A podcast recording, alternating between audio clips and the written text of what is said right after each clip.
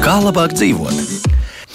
Un tā, mēs turpinām vēl februārī sākto raidījumu ciklu par vakcinēšanos pret covid-19, un šodien par aktuālo iztaujāsim vakcinācijas projektu biroja pārstāvi Ievu Stūri. Ievu sveicināti! Labrīt! Un Rīgas Stradiņu universitātes bioloģijas un mikrobioloģijas katedras vadītājiem profesoru Jutu Kroiču. Jutu sveicināti! Labrīt! Un Labrīt. uzreiz atgādināšu, protams, mūsu studijas tālrunis 6722, 888, un mājaslapā arī darbojas Latvijas radio.clv. Tur tālāk jāatrod radio viens un raidījumu, kā labāk dzīvot. Redzēsim, ko klausītāji gribēs taujāt par vakcinēšanos pret covid-19, bet tie es sākšu ar to, ka laikam mums par tiem lieliem vakcinācijas centriem vajadzētu tagad ātri izrunāt. Tie turpina darbību, es tā saprotu, jā, nu vismaz tuvākās dienas. Jā, centri turpina nākošās divas dienas darbību, gan Rīgā, gan ārpus Rīgas. Un, jā, iedzīvotāji aicināti pieteikties. Īpaši aicinām 70 plus seniorus, tātad tie, kas ir vecāki par 70 gadiem, izmantot šo iespēju. Ja pat ja vēl neesat bijuši reģistrējušies, tad zvaniet 8989, kur jums norādīs, kur ir tuvākais jums centrs un kā viņu sazvanīt, lai pieteiktos uz vakcināciju. Mm -hmm, šodien, ar, šobrīd ar tālruņu mm, tāda līnijām nav nekāda problēma. Ja? Brīvi var piezvanīt un var, var arī viss izdarīt. Ja? Nu, ir sākusies, sākušās atkal darba dienas, mm Mhm. -hmm. ir papildus spēki piesaistīti.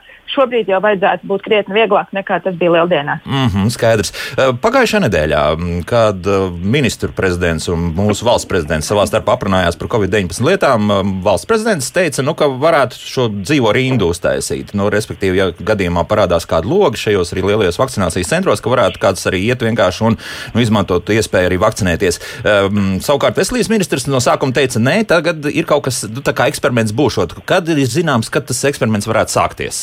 Tiešām cilvēki var vienkārši aiziet kaut uz to pašu centrālu tirgu un paskatīties, ah, nu, tad varbūt ir brīvs lokus un tomēr saņemt šo vakcīnu. Nu, ir jāsaprot, ka ar dzīvo rindu ir gan lielas priekšrocības, gan ļoti lieli riski. No vienas puses, tā priekšrocība ir tāda, ka tas process varētu notikt stipri ātrāk, jo nevienam nav jāpiezvana, jāpiesaka, jāpiereģistrē, var nākt un saņemt savu vakcīnu. No otras puses, mēs ļoti uztraucamies par to, ka tā būs gara, nekontrolēta rinda, kur varētu nu, sākties, kur cilvēkiem principā ilgi būtu jāstāv rindā, ja tā interese ir liela, ko ar tādu iepriekšēju pieteikšanos tomēr var novērst. Nu, šobrīd šie plusi un mīnus tiek izsvērti. Iespējams, ka mēs uz dienu šādu rindu izmēģināsim. Uh, tas varētu būt pat jau rīt, bet par to ziņosim šīs dienas laikā. Aha, tā tad diezgan ātri varēs reaģēt. Ja? Jā, bet nu, tur jārēķinās, ka tā noteikti būs tikai konkrēta vecuma grupa. Visticamāk, iedzīvotāji, kuriem šodien, šobrīd jau pienāks vakcīna, tie ir 60, plus, bet par to konkrēto kārtību mēs vēl ziņosim. Vēl par to tiek spriests. Jo tiešām ir gan priekšrocības, gan riski. Uh -huh. Bet uh, varbūt tieši otrādi, ja kādos gados jaunākus uh, palaist, nu, tiem, tie, kuriem vieglāk vienkārši izstāvēt šo rindu būt. Nu, jo, jo tomēr visdrīzākais, ka var, iespējams būs jāgaida varbūt stundu, pusotru un vēl vairāk. Nu, ne, nevajadzētu. Es tagad tikai ierosinu. Ja? Un mans, Eh, mans idejas dažreiz labi nostrādā. Mēs, mēs esam apsprieduši dažādas idejas, bet šobrīd vakcīnas joprojām ir ierobežotā skaitā. Tādā ziņā, Tomēr jā. ir vēl seniori, kas gaida rindā, un tieši šī vecuma grupā 60. Plus, un ir arī pacienti ar chroniskām slimībām, tāpēc mēs negribētu šos cilvēkus vēl apdalīt. Vēl tik daudz vakcīnu nav, bet izmēģinājumu izdarīt mums vajadzētu tīri, tāpēc, lai zinātu, vai šāds, šāds princips vispār strādā, vai arī mēs pie tā vairs nekad neatgriežamies. Uh -huh. Kas savulaik bija pieteikušies jau laikus, arī šīs jau prioritārās grupas, cik apmēram procentāli mēs varam uzskatīt, ka tie jau ir izvakcinēti? Nu, tā kā vajadzētu pēc plāna būt. Tie ir vairāk par 50%, 60, 70 vai, vai, vai mazāk. Nu, redz, te ir ļoti sarežģīti atbildams jautājums, jo cilvēki pieteikušies līdz šim mana vakcīna, un tie, kas ir pieteikušies mana vakcīna, piemēram, seniori 70, plus, tie līdz šim visiem ir aizsūtīts uzaicinājums, kur viņiem vajadzētu vakcinēties. Ja tas ir bijis Rīgā, tad visticamāk viņus jau savu ziņu ir saņēmuši. Mm -hmm. Dažas pilsētas vēl gaida, bet gribu teikt, ka šobrīd esam aizveduši vakcīnas uz ļoti daudzām Latvijas pilsētām. Ja pa lieldienām gaidījām, gaidījāt, tad šonadēļ noteikti jau savu vakcīnu vajadzētu saņemt.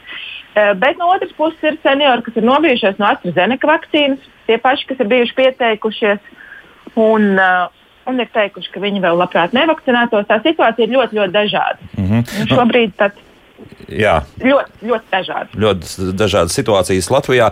Un uh, viens no tiem jautājumiem, kas liekas radīt zinām sajukumu, ir par to ģimenes ārstu nosūtījumu, ja dodas vakcinēties. Kas šobrīd, kā tur ir īsti, jau izstāstiet, lūdzu. Tātad iedzīvotājiem ar kroniskām slimībām ir vairākas iespējas, kā vakcinēties. Ja viņi vakcinēsies pie sava ģimenes ārsta, nosūtījums nav nepieciešams. Ārsts ir tas, kurš pieņem lēmumu, vai pacients atbilst šai prioritārajai grupai uh, iedzīvotājs ar kroniskām slimībām un viņu vakcinē. Uh Mhm. -huh. Otrām kārtām pacients tiek atrasts arī dažādos slimību reģistros, piemēram, onkoloģisko slimību reģistrs.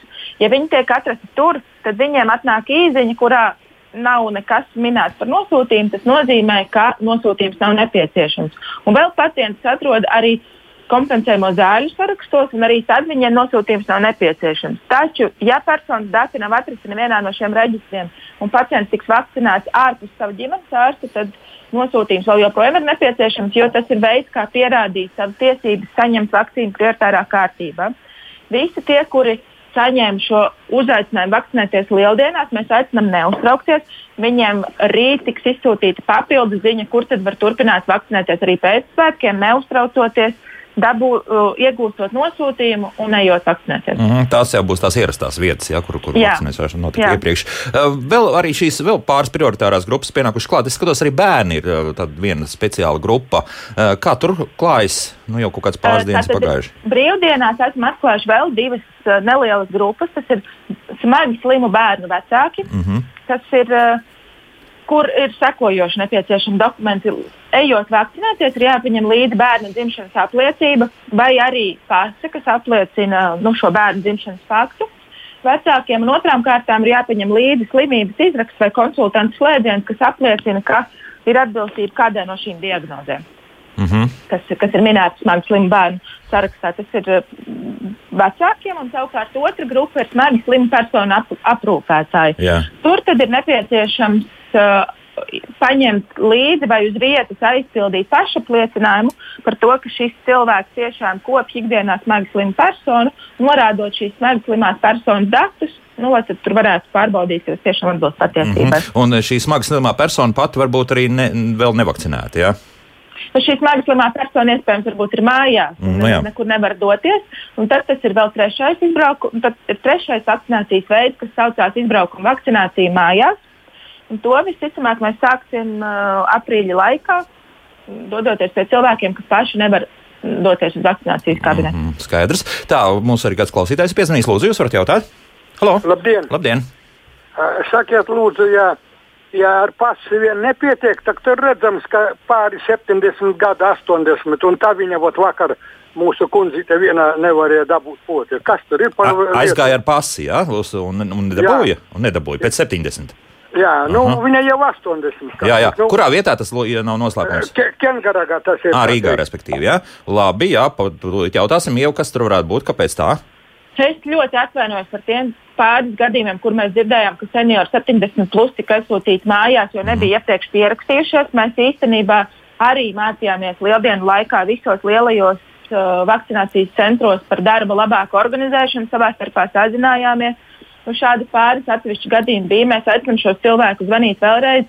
Visiem, kuriem ir 70 plus gadi, noteikti pienāks vakcīna un pietiek tikai ar pasti tiešām pietiek tikai ar pasti. Bet mēs aicinām iepriekš piezvanīt, lai nebūtu tāds gadījums, ka atnāk cilvēks un tur jau ir garš pieraksts priekšā, vakcīna nav un ir velti atnāk. Mm -hmm. Tā kā 8, 9, 8, 9, un uh, šobrīd es domāju, ka nebūs arī nekāda problēma uh, sazvanīt un viss novienoties līdz galam. Jā.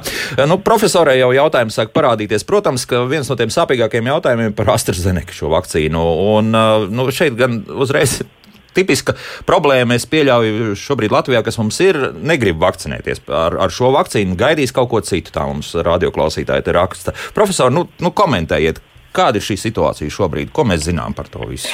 Uh, tām nu, ar blaknēm. uh, AstraZeneca uh, kopš mūsu iepriekšējā raidījuma jāsaka, nedēļas turpinās, ja Mhm. vienas atrisinās, otras atkal sākās. Ja mēs atceramies to laiku, kad Eiropā AstraZeneca neieteica uh, senioriem, un, bet tikai jauniem cilvēkiem, tagad ir tieši pretēji. Tās pašas valstis, kas toreiz iestājās par to, ka vecākiem cilvēkiem nedrīkstās vakcīnu dot, tagad tieši otrādi.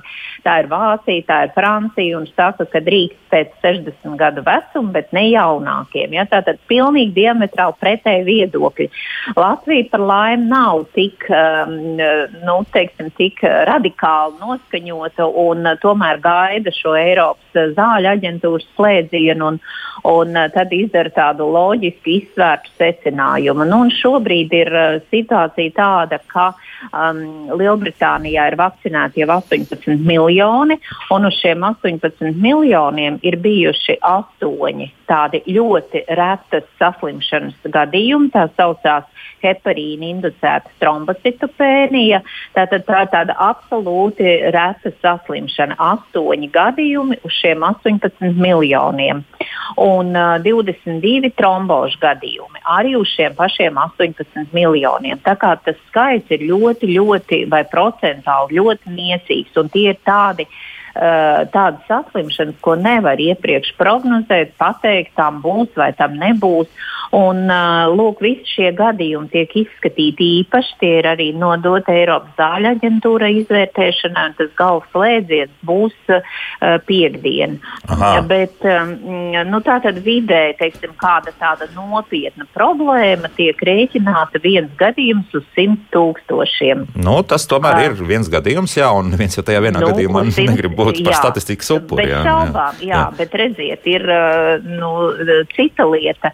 Šie gadījumi nu, nav bijuši letāli. Mm -hmm. Un šodien Latvijā ir ārsti informēti par to, kas ir jādara. Ir, ir jau tas, um, tas um, ārstēšanas algoritms izsūtīts uh, visiem Latvijas klīnicistiem. Un, ja ir smagi gadījumi, tad ir skaidrs, ka tiek vests uz universitātes uh, hospitālu, kas atrodas Rīgā. Bet cilvēkiem vajadzētu saprast, ja gadījumā ir kaut kādas uh, tādas absolūti m, atšķirīgas um, pazīmes pēc vakcinācijas, un šeit es nosaukšu tās, ko katrs cilvēks var arī uzreiz saprast, izvērtēt, ir viņam atšķirīgi, tad vajadzētu reaģēt momentāli un visi šie agrīni uzķertie gadījumi, tie visi uh, tiek veiksmīgi ārstēti, tāpēc ka tiešām tā, tā, tas algoritms ir izstrādāts. Un tas būtu, ja ir tādas ļoti stipras galvas sāpes, mežonīgas, eh, stipras vēders sāpes, eh, pēkšņi elpas trūkums. Varbūt, kad ir tāda kā redzes miglošanās un, uh, un varbūt ap, uh, kāju pietūkums, apsārtums, uh, nu, tāds pēkšņs uzreiz. Tā kā cilvēks saprot, tā ir tāda tūska. Ja ir kāds no šiem simptomiem, nevajag gaidīt, mēģināt kaut ko pašam darīt. Momentāli ir jāmeklē ārsta palīdzība, bet tas, es saku vēlreiz, ir ļoti, ļoti rets gadījums. Mm. Profesor, uzreiz ārsta jā. gadījums, jā, ārsts jāmeklē vai, vai vienkārši 112 zvanām un, un neatliekam medicīniskā palīdzība? Šie ļoti izteiktie gadījumi. Nav ko vairs meklēt ārstu un gaidīt, ja tā ir piekdiena vai sestdiena. Ziniet, kā vienmēr pēc tāda no jā. uh, likuma ir, ka tieši brīvdienās kaut kas atgadās momentāli, tad ir ātrā palīdzība un par visiem šiem simptomiem izstāstīt un ārsti izvērtēs, ko tālāk darīt. Mm -hmm. Latvijā tādi tie, tie retie gadījumi nav bijuši neviens līdz šim. Bet, nu, lūk, valsts tomēr skatās, katra izvērtē savas iespējas, un, ja, piemēram, valstī ir citas vakcīnas pieejamas, var izvērtēt uh, nu, to, to piesardzību un dot varbūt citu vakcīnu, bet uh, Lielbritānijā šie 18 miljoni tie liecina paši par sevi, un uh, tas galvenais. Uh, nu, teiksim, ziņa, ko nes par vakcīnām, ir, ka jāizvērtē ir ieguvumi pret šiem gadījumiem. Mm -hmm. Skaidrs, ka neviens cilvēks negrib, ka viņam būtu šādi riski. Bet, ja kādam, bez šaubām, bet ja ir cilvēkam kādreiz bijis iepriekš vakcinēt kaut kas līdzīgs ar asins recēšanu vai trombocītu skaita samazināšanos, bez šaubām viņam jāpārunā visu to ar savu ārstējušu ārstu un, un, un uh, jāvaicā speciālu konsultāciju. Bet, ja tāda lieta nav bijusi, tad uh, ieguvumi ir augstāki par riskiem. Un uh, Eiropas zāļu aģentūra arī min to, ka uh, runa ir par piesardzību, tas, ko es tikko teicu. Arī pat, ja ir bijušas alerģiskas reakcijas pēc kādas no iepriekšējām vakcīnām. Tad šos cilvēkus turpat uz vietas uh, novēro nevis tās 15 minūtes kā parasti, bet pusstundu. Un, un uh, neatkārtojās šīs uh, alerģiskās reakcijas pēc šīs vakcīnas. Nav tāda saistība. Agrāk tā bija, bet tagad arī tā būs. Tā nav. Tā tad runa ir par piesardzību, nevis par riska faktoriem. Mm -hmm, skaidrs, jā. Kāds klausītājs mums vēl gaidīs, lūdzu? Jūs varat jautāt? Halo! Jā, labrīt. labrīt. Mans jautājums ir, ja mans vienīgais ieguvums ir tromba risks, tad ko darīt? Manā namnēžē ir bijis gan dziļās vēnas tromboze, gan vairāk tromboflebīti kājās, virsējās vēnās pēdējais pirms apmēram pieciem gadiem. Man ir plīsusi anērisma acī. Nu, tā tad ir jau problēmas mm. ar asinsvadiem un tā tālāk. Vai tas varētu pastiprināt? Jā, jā, jā. Labi. Eh, interesants jautājums, jā. Eh, jums ir ļoti interesants jautājums. Un eh, šeit ir tā, tie, tie mm, riski. Jums ir jāsaliek un jāizvērtē, jo redziet, viss tas, viss tā buķete, ko jūs nosaucāt, saslimstot ar uh, Covid infekciju, tie visi ir absolūti riski ļoti smagai saslimšanai, klīniskai gaitai un pat letālam iznākumam. Piedodiet, ka es tik atklāti, bet mm -hmm. saslimt jūsu gadījumā ar jūsu ir ārkārtīgi augsts risks. Bet ko es jums ieteiktu? Jums noteikti ir jārunā ar savu ārstu un jāvienojās, jāizvērtē uh, ieguvumi un riski, un iespējams, ka ārsts jums ieteiks citu vakcīnu tieši jūsu gadījumam, jo jums ir uh, anamnēzē. Bet saslimt, nu, tas būtu ļoti smags, uh, smags gadījums, ja jūs saslimat ar šo infekciju. Jā, tādā gadījumā es pajautāšu, nu, tā, cik liels iespējas būs mainīt šo vakcīnu tieši šādos specifiskos gadījumos, kuriem mēs zinām, ka varbūt šādas problēmas varētu pastāvēt. Kad tas varētu būt, ka nezinu, tā pati Johnsons un Johnsons, nu pat tāda Jensena vakcīna kaut kad nāk mums iekšā, jā, un, un arī nu, jau iepriekš. Es teiktu, ka jau aprīļa gaitā mēs saņemsim arvien vairāk dažādas citas vakcīnas, jā, un pirmo Janssen, Johnson, Johnson, Johnson eh, ražoto vakcīnu mēs gaidām aprīļa vidū. Nu, es teiktu, ka tad. Uh, jārunā ar savu ārstu. Mēs principā tagad jau sākam piegādāt vakcīnas visiem, kas ir pasūtījuši dažādas. Pagājušajā nedēļā viņi ir saņēmuši gan modernas sūtījumu, gan AstraZeneca. Vēl joprojām piedāvāties nav ies, izvēlēties nav iespēja, un tāda netiek piedāvāta līdz brīdim, kamēr būs vakcīna ierobežojums. Bet, ja ir šāds komplicēts gadījums, tad ir jārunā ar savu ģimenes ārstu un jārunā mm -hmm. risināt. Jā, bet uh, arī šie faktiski antikoagulantu zāles, kuras noteikti arī šādi pacienti lieto, profesori, nu, iespējams, ka tas jau arī zināmā mērā mazina šo risku, uh, tromboembolijas. Jā, tromboembolija risku mazina, bet uh, šeit tie astoņi gadījumi Anglijā, kas bija pēdējie, tie satraucošie, tur ir tieši otrādi, tur ir ah. heparīna inducēta, jā, trombocitopēnija, un tas ir tās absolūti rēs gadījums. Tā, tā ir tāda ģenētiska autoimūna saslimšana.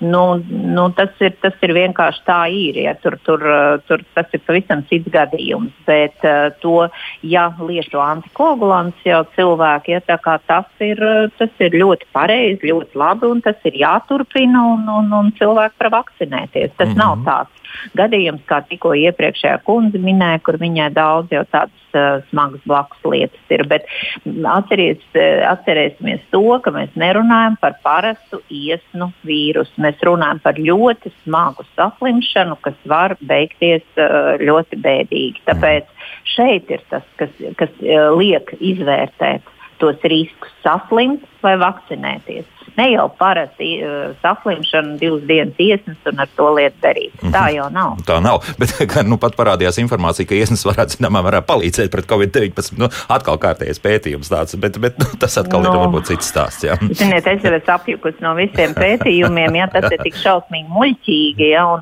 Un, un, un kas ir trakākais, ka šie cilvēki izplata to informāciju un viņi pastāv uz savu, un viņiem šķiet, ka viņiem ir tā taisnība, un tagad iesaka visādus preparātus, muļķīgus lietot, un, un, uh, un arī kaut kādu saikni ar, ar, herpes vīrusu. Nu, nav tāda saistība. Mēs visi nesājam herpes vīrusu, bet tāpēc tas nenozīmē, ka vai nu mēs slimojam, vai mēs neslimojam. Mm. Es tā īsti neesmu pat varējis iz, izsekot tam domu gājienam, ko šie cilvēki grib pateikt, kā viņi to pamatot. Tā kā mhm. tās ir muļķības. Mm -hmm. Tā, kas klausītājs mums gaidīs, lūdzu, jūs varat jautāt? Labdien! Labdien. Es jau, es jau es pašā sākumā pieteicos Jā. un ļoti gribu potēties, bet man vispār ir trombocitoze. Vai man tagad, ja man pēkšņi pasauc, man jau var, vēl nav tie 70, bet ja man piezvan, es varu iet uz to AstraZeneku, tagad es nevaru saprast. Aha. Man jāgaida cits kāds, tomēr ar trombocitozi, cits kāda. Pagaidīt šīs divas nedēļas vēl, jā.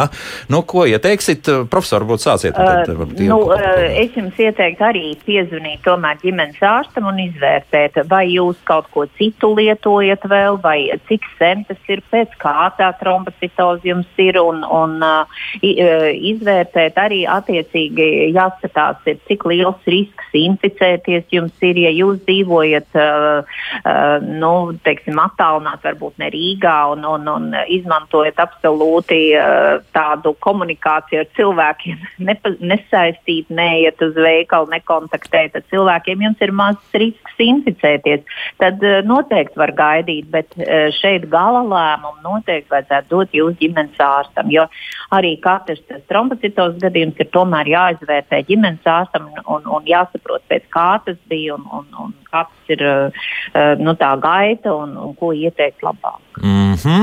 Tā, nu paklausīsim vēl vienu klausītāju, un tad mājaslaps arī jautājumu jālūdzu. Jūs varat jautāt? Labrīt! Labrīt. Ziniet, man tagad ir 76 gadi. Jā. Bet, kad es biju jaunāka, man izpēcēja uh, uh, sprici pret uh, tiem stinguma krampiem, bija ievainota roka. Un tad man sākās šausmīga alerģija. Aha. Es paliku sarkana un tāda šausmīga niedze un izsaucu ātrā palīdzību, un man gandrīz apstājās sirds. Un tagad man ir bailes potēties. Skaidrs. Man teica, lai es brīdinos, ka man tāda, tāda lieta ir. Mm -hmm, jā, labi, paldies. paldies jā. Mm -hmm. Tā, jā. Jā, tā, tā uh, vakcīna ir pilnīgi cita tipa. Tā ir toksoīda vakcīna. Tas ir, kur ir uh, darīšana ar toksīnu, kas ir uh, stinguma krampju gadījumā. Šī ir pilnīgi citāda pēc sava principa. Un šeit nav tās saistības, ka bija alerģija pret to vakcīnu, un tagad ir alerģija pret, varētu būt gaidīt pret pret šo vakcīnu. Tā nav, nav tāda saistība. Bet tad, kad jūs iesiet vakcinēties, tad jums tas ir jāpasaka.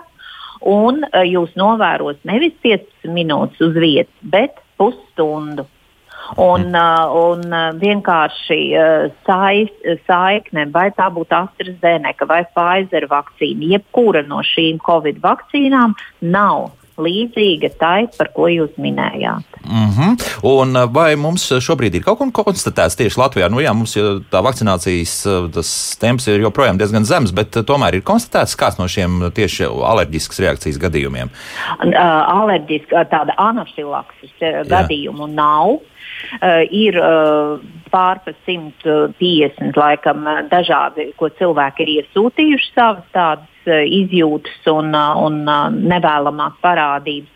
Un uh, galvenā tā, par ko cilvēks sūdzās, ir tāda hipertenzijas krīze, respektīvi, ka pēkšņi paaugstinās asinsspiediens, jā, un, uh, un tas ir tā, tā, ir tā galvenā sūdzība. Ne, bet šeit ir arī tāds skaidrojums, kur ir iz, izvērtēts visiem šiem cilvēkiem, uh, nu, vienai daļai. Viņi tiešām nav zinājuši, ka viņiem ir paaugstināts asinsspiediens, bet uh, acīm redzot, tāds ir bijis. Es sāku jau tā mērķiecīgi uzdot jautājumus. Un vienkārši nu, pēc vakcīnas tad, tad, nu, tas, tas tā kā nāca gaismā. Otra daļa cilvēku, kuriem jau ir bijis paaugstināts asinsspiediens. Un šeit es gribētu tādu cilvēcisko faktoru akcentēt, jo cilvēki uh, cilvēki vienkārši uztraucās. Uh, tas ir skaidrs, un, un katrs cilvēks saka, ah, man tāds uztraukums, tagad tā ažiotāža uh, vakcināciju ir tik ļoti uh, sakāpināta, ka cilvēki tiešām izjūt tādas bailes. Nu, viņš aizgāja, kā man būs, kā tagad būs. Un cilvēks atnāk mājās, uh, sirds daudzās, asinsspiediens ir uzkāpis Tas ir saprotami. Vienam tas kompensējās lēnām, lēnām viņš padomā, man viss ir labi un nekas taču slikti nav, bet citam tomēr nē, un tas asinsspiediens turās. Tāpēc, ja cilvēks lieto uh, zāles pret paaugstinātu asinsspiedienu, viņam noteikti tās ir jālieto, bet ja nekrītās asinsspiediens, noteikti arī ir jāsauc ātrā palīdzība, jo ilgi to turēt nevar, bet es neteiktu, nu visi tie gadījumi, kas tika nodot Latvijas uh, valsts zāļu aģentūrai, tie ne, nesaistījās tieši tā kā ar vakcīnu. Mm, tad es saprotu, drīzāk tur galvā ir vairāk jautājumu. Ziniet, ja? tas ir galvā, jo man ir mm -hmm. arī vairāk tādi piemēri bijuši, un, un parasti, parasti mēs saprotamies un pasmaidam par to, jo cilvēks saka, man, es noņēmu brilles, man te viss tā kā reips, nu, un, ja tu uzliec brīli, tā nē, tagad ir labi. Nu, bet tad, uh, tas noteikti ir no vakcīnas, vai ne? Ja tu noņem brīli, tev reips, uzliec brīli, tev vairs nereips. Mm -hmm. Vai atkal uh, nu, cilvēks stāsta, man tur uh, arī bija reibonis, un, un, un, un man tur tā kā slikti bija, bet vai tā kādreiz ir bijis? Jā, man tā bieži ir, man kāds 3-4 reizes nedēļā. Tā, nu, kā jā. to var saistīt tieši ar vakcīnu? Nu, jā, vakcīna te bija, un tad mēs pēkšņi atceramies kaut nu, kādas saliekam kopā. Mm -hmm, kāds klausītājs atkal lūdzu jautāt, jā, lūdzu. Labrīt. Labrīt. Būtu jautājums laimes slimības gadījumā. Kā būtu ar potēšanos pašlaik? Mm, jā, uh, ārstējos vēl. À, jūs ārstējaties, jā? Nu jā, jā. skaidrs, antibiotikas, jā, nu tas it kā ir tomēr. Es, es atvainojos, es nesaklausu. Uh, tātad uh, laimslimība. Ah, lēmslimība, jā. Nu, jums pašlaik ir antibiotika kurs? Jā, cik es saprotu, klausītājiem tieši šobrīd ir antibiotika kurs. Ah, nu, nu, vispār ir tā, ka, ja ir paaugstināta temperatūra, drudzis 38 un vairāk grādi ķermeņa temperatūra, ja tā tad tāda akūta slimība, tad neiesaka vakcinēties. Tad pagaidīt, lai pāriet tas akūtais periods, un tad var vakcinēties. Bet uh, laimes slimība, nu, tad iznāk, ka tā, tā slimības sekas ir no pagājušā pagājušās vasaras, jo vēl ērts nu, nav modušās. Ja, ja es uh, tagad tā pareizi saprotu, nu, vai rudens tas ir bijis iespējams? No acīm redzot, jā, jā. ne, jau, ne jau tagad akūti kaut kas, un tur tas antibiotika kurs iet diezgan ilg, ilgstoši un arī ar pārtraukumiem. Bet antibiotika lietošana nav uh, kontraindikācija vakcinācijai. Mm -hmm. Tā kā, ja tas ir tā, kā es tikko stāstīju, tad noteikti var vakcinēties. Ja tas ir kaut kas uh, atkal tāds uh, nu, citāds, tagad kaut kas pēkšņi radies, nu, tad jākonsultēs ar savu ārstu. Bet kopumā antibiotika lietošana nav kontraindikācija. Tālāk. Un vēl šai pirmajā pusstundā viens jautājums, ko man arī vajadzēja uzdot, bet Everīte mūsu radioklausītājai uzdot. Cik ilgā laikā pēc vakcinēšanās tie izteiktie simptomi var parādīties, atgriežoties pie visām šīm trombembolijām un tā tālāk? Uh, šobrīd uh, tas uh, laiks ir noteikts no četrām līdz seš, no 4. līdz 16. dienai. Tas mm. ir uh, Eiropas zāļu aģentūrā. Latvijas valsts zāļu aģentūra vēl ir pagarinājusi līdz 20. dienai. Tātad, lai mēs būtu absolūti droši, tad līdz 20. dienai. Bet cilvēki, kad iesniedz teiksim, savas tās, nu, tādas atipiskās sajūtas, tas viss tiek vērtēts 28 dienu uh, laikā. Mm -hmm. Bet uh, Mēnes, par tām trombembolijām un, un, un trombocitopēnijām tas vidējais uh, periods ir no 4 līdz 16. dienai. Mm -hmm. Eiropā, Latvijā tātad līdz 20. dienai. Bet tas ir vienkārši pagarināts. Jā, tas nenozīmē. Uh, nu, mēs, eh, jā, ar piesardzību, ar piesardzību. Jā, lai cilvēki tad vienkārši nu, līdz 20. dienai, ja nekas nav, tad, tad arī droši, ka nekas nebūs. Bet nu, Eiropā es saku, ir 16 dienas. Mm -hmm. Bet uh, 28 dienas ir tas periods, kad vispār jebko, kas cilvēkam liekas, ka viņam ir kaut kas citādāk nekā bijis līdz šim, par to visu ir jāziņo, un, un tad, lai var uh, kompetenti cilvēki speciālisti izvērtēt. Uh -huh. Vakcinācijas projekta biroja pārstāvja Ieva Stūra un Rīgas Stradiņu Universitātes bioloģijas un mikrobioloģijas katedras vadītājiem profesoru Juta Kroiču kopā ar mums, un pēc mūzikas mēs turpinām iztaujāt mūsu viešņus.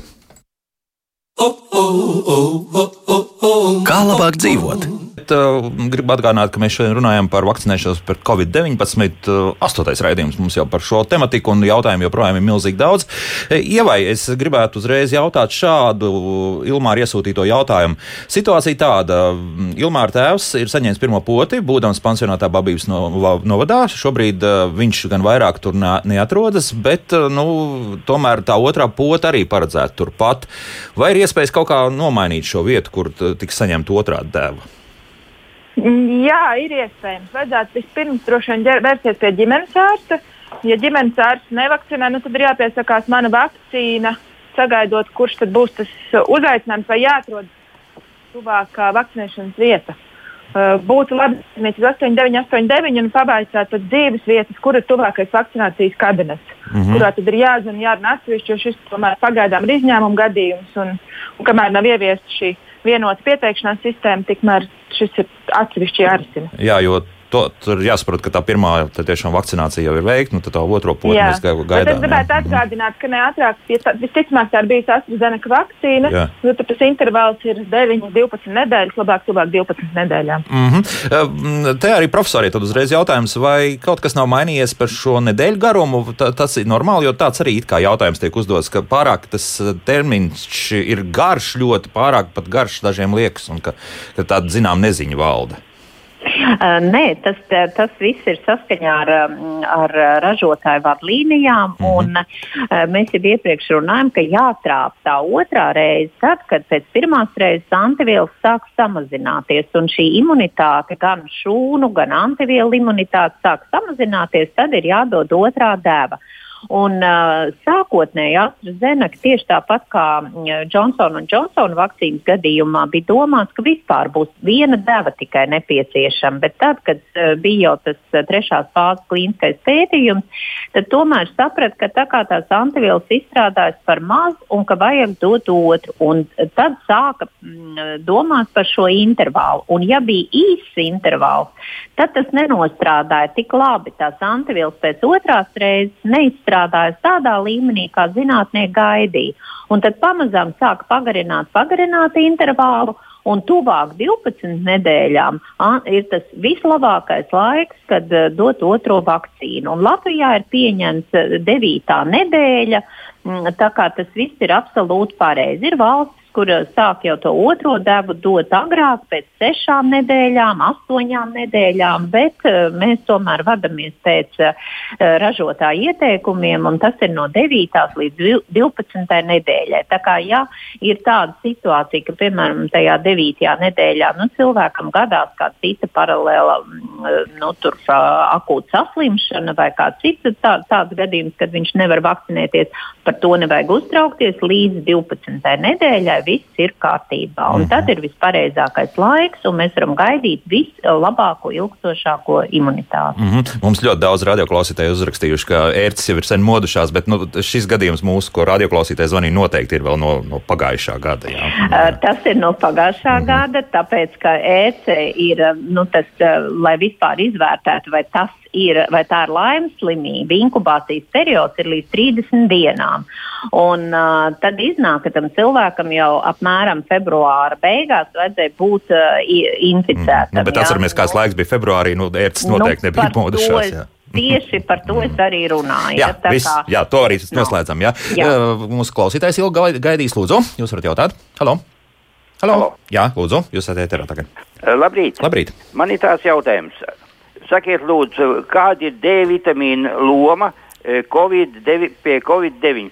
Mm -hmm. Ja šī uh, vitamīna uh, loma ir ļoti nozīmīga, tad vai viņi nevajadzētu iekļaut uh, valsts apmaksāto analīžu sarakstā, jo patreiz tā tas nav. Paldies! Paldies, jā, nu to tāpat vajadzētu ielikt valsts apmaksāto tātad mēs medikamentu, bet uztur bakātnē, kaut kādā sarakstā noteikti vajadzētu likt iekšā. Bet, profesor, jā, nu jā. komentējiet, lūdzu. D vitamīna loma vispār ir ļoti būtiska uh, imunitātes nu, imunologiem nepatīk, ka saku šo vārdu imunitātes stiprināšanai. Respektīvi, kas notiek? D vitamīns iedarbojas uz mūsu šūnu apvalciņiem. Apvalciņi ir daudz stiprāki. Un, ja gadījumā ir kāda vīrusa infekcija, vīrusam ir jāiekļūst šūnā iekšā, un skaidrs, ka vīrus daudz labāk iekļūst šūnā, ja tas apvalciņš ir tāds, nu, kur ir mm, poras, kas nav tik uh, cieša tā membrāna, tad skaidrs, ka tās infekcijas ātrāk var uh, attīstīties.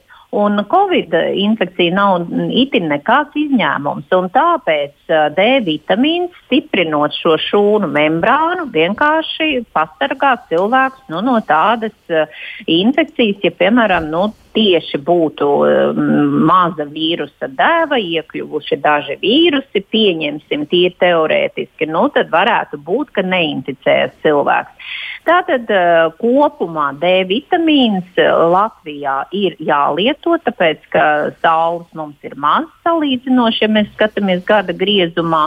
Un, uh, tomēr tie pētījumi, kas ir veikti ar Latvijas iedzīvotājiem, liecina, ka Latvijā D vitamīns ir par maz. Mm -hmm. Un, uh, šeit tas nav tikai par vīrusu infekcijām, bet arī citu saslimšanu gadījumā, kur D vitamīna loma ir pierādīta.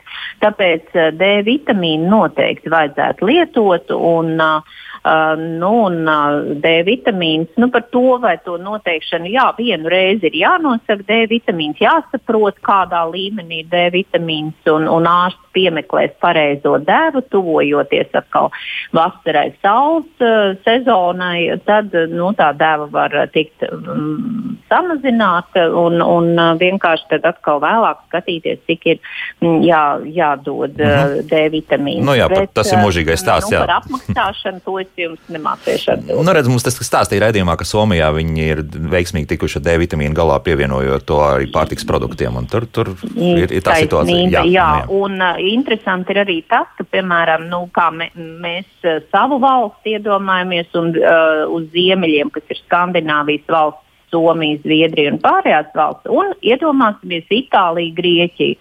Mums šķiet, ka saules tur ir daudz, un, un, un tur noteikti vajadzētu būt D uh, vitamīnu līmenim daudz augstākam. Izrādās, nē, mm. uh, ka tomēr ir jādod arī klāt tajās saules zemēs, un tāpēc Skandināvijā ir daudz uh, augstāks D vitamīnu līmenis nekā, nekā Itālijā un Grieķijā. Jā, mēs arī atgriezāmies jautrā kompānijā, labi iedeguši no Itālijas, un ka izrādījās, ka diviem jā. cilvēkiem joprojām tas D vitamīns bija zem nu, normas. Jā, tā ir. Ilgi klausītājs gaidīs, lūdzu, jūs varat jautāt? Halo! Halo, labrīt. labrīt. Sakiet, lūdzu, vai man var kāds atbildēt, vakcīnas puķņiks būs pieejama Latvijā? Nu jā, paldies. Kas ar to puķņiku šobrīd notiek?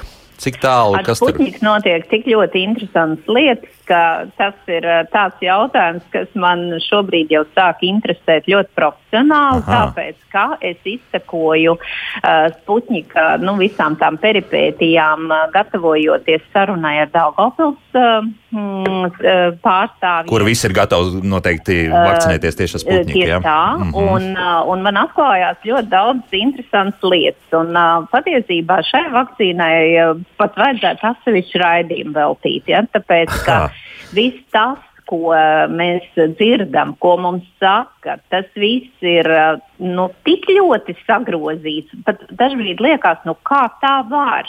Nu, piemēram, un, kaut, kādu, nu, kaut vienu tādu piemēru. Vienu piemēru minēšu. Jā. Tas man šķita absolūti nu, kaut kas tāds, kas nu, tiešām liekas, nu, kā tā var notikt. Ja? Tātad, uh, 20. februārī mm, Gamala institūta direktors uzrunāja AstraZeneca un ar tādu priekšlikumu. Viņa teica, nu, mēs varētu sadarboties, kopā tomēr ir spēcīgāka komanda un papētīsim, kā būtu, ja pēc divām sputņika devām, tās, kas tiek dotas, tur ir divi dažādi adenovīrusi, mēs iedotu trešo devu ar AstraZeneca. Mm -hmm. Jā, par to nu, mēs esam raidījumā. Mums, mums ir stāstīts, jā, jā, ka šāds ir. Jā, jā, jā, jā. Vakardien jā. pēc, uh, nu, tas bija septiņu stundu veca ziņa. Vakar vakarā es vēl ieskatījos tagad. To ziņu pagriež pilnīgi otrādi. AstraZeneca grib piedāvāt savu vakcīnu, lai tagad nu, viņu to kvalitāti paceļ Sputnika vakcīnu. Saprotiet, pilnīgi otrādi apgriezt šī ziņa.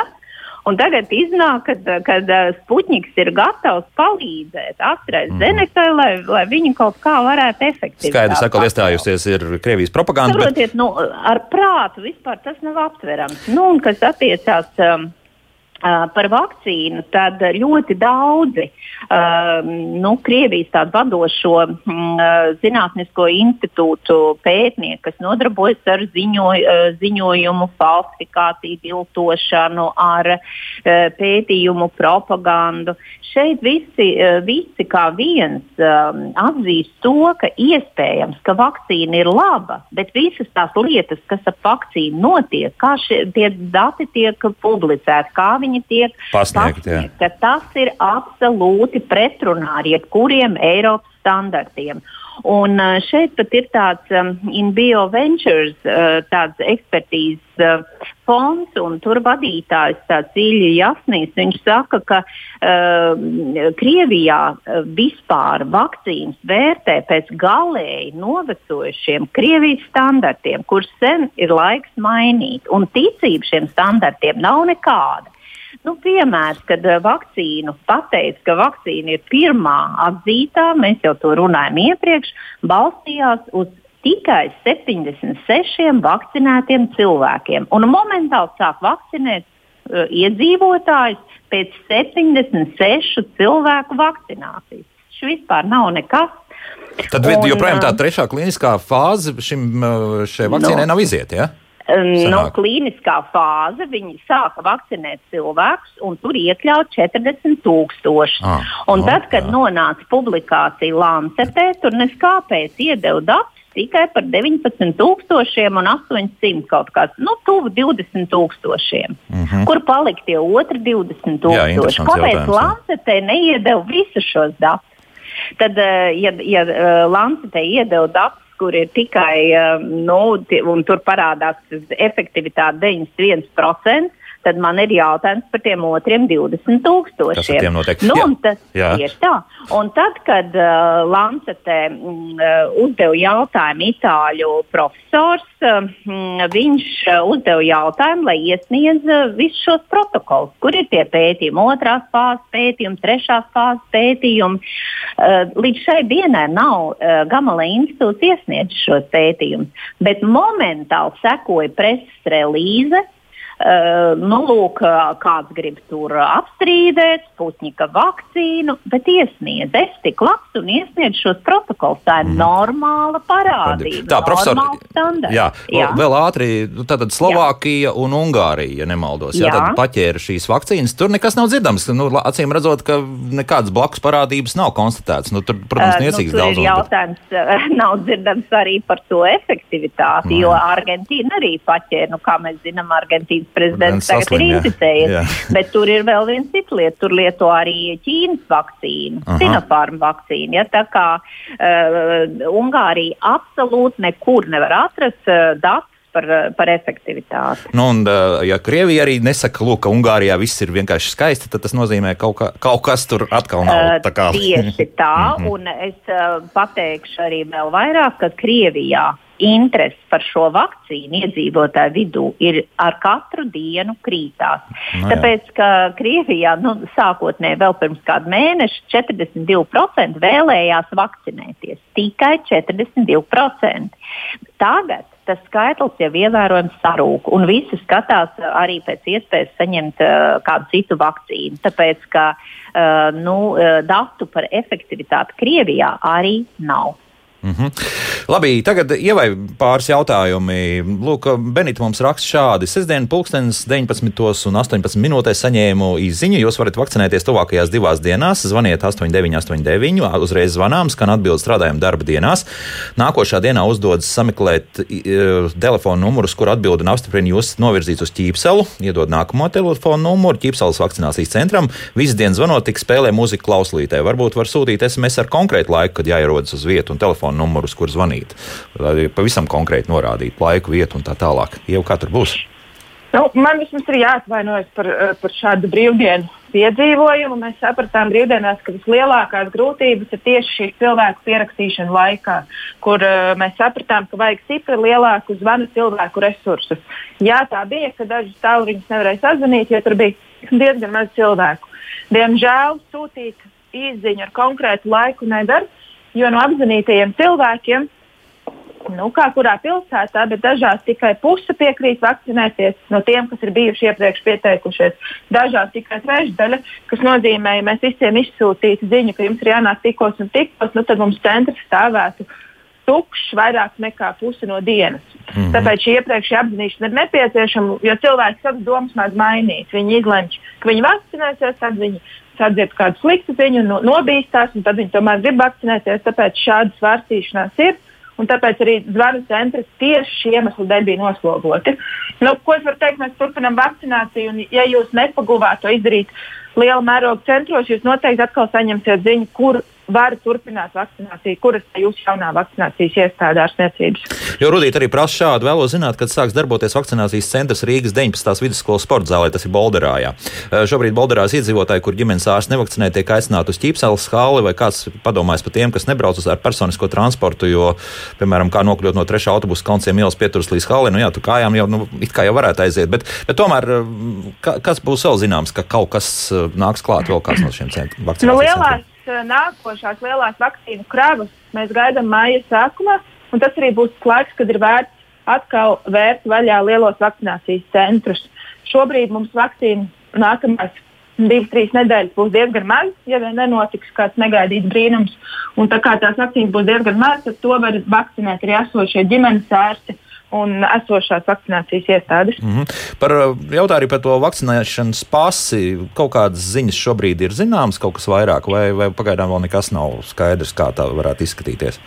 Pagaidām vēl pie tā tiek strādāts un tiek strādāts visas Eiropas Savienības mērogā, lai tas standarts būtu viens, lai tas tiešām būtu akceptēts visās, ne vismaz Eiropas Savienības valstīs. Latvija tam pielāgosies, tāpēc mēs šobrīd gaidām, kādas ir sarunas Eiropas Savienības mērogā, kur, kur Latvija arī piedalās. Mm -hmm. nu, un, profesore, vēl noslēdzošais jautājums šodien, vai jau pēc pirmās potes samazinās smagas saslimšanas iespēja? Ja? Nu, tu, tā samazinās, jā, tā, arī pēc pirmās potes smaga klīniskā gaita, bet šobrīd Anglijas pētījumi par šiem 18 miljoniem ir tas plašākais pētījums ir no Skotijas, un tur ir uh, dati, ka 94% gadījumu novērš hospitalizāciju 94% mm -hmm. un 100% novērš smagu klīnisko gaitu. Tā tad viegli var būt iesnas un tāda, ko mēs pat varbūt nepamanām, ja tā speciāli neskatāmies, ja, bet smaga gaita ir 100% novērsta.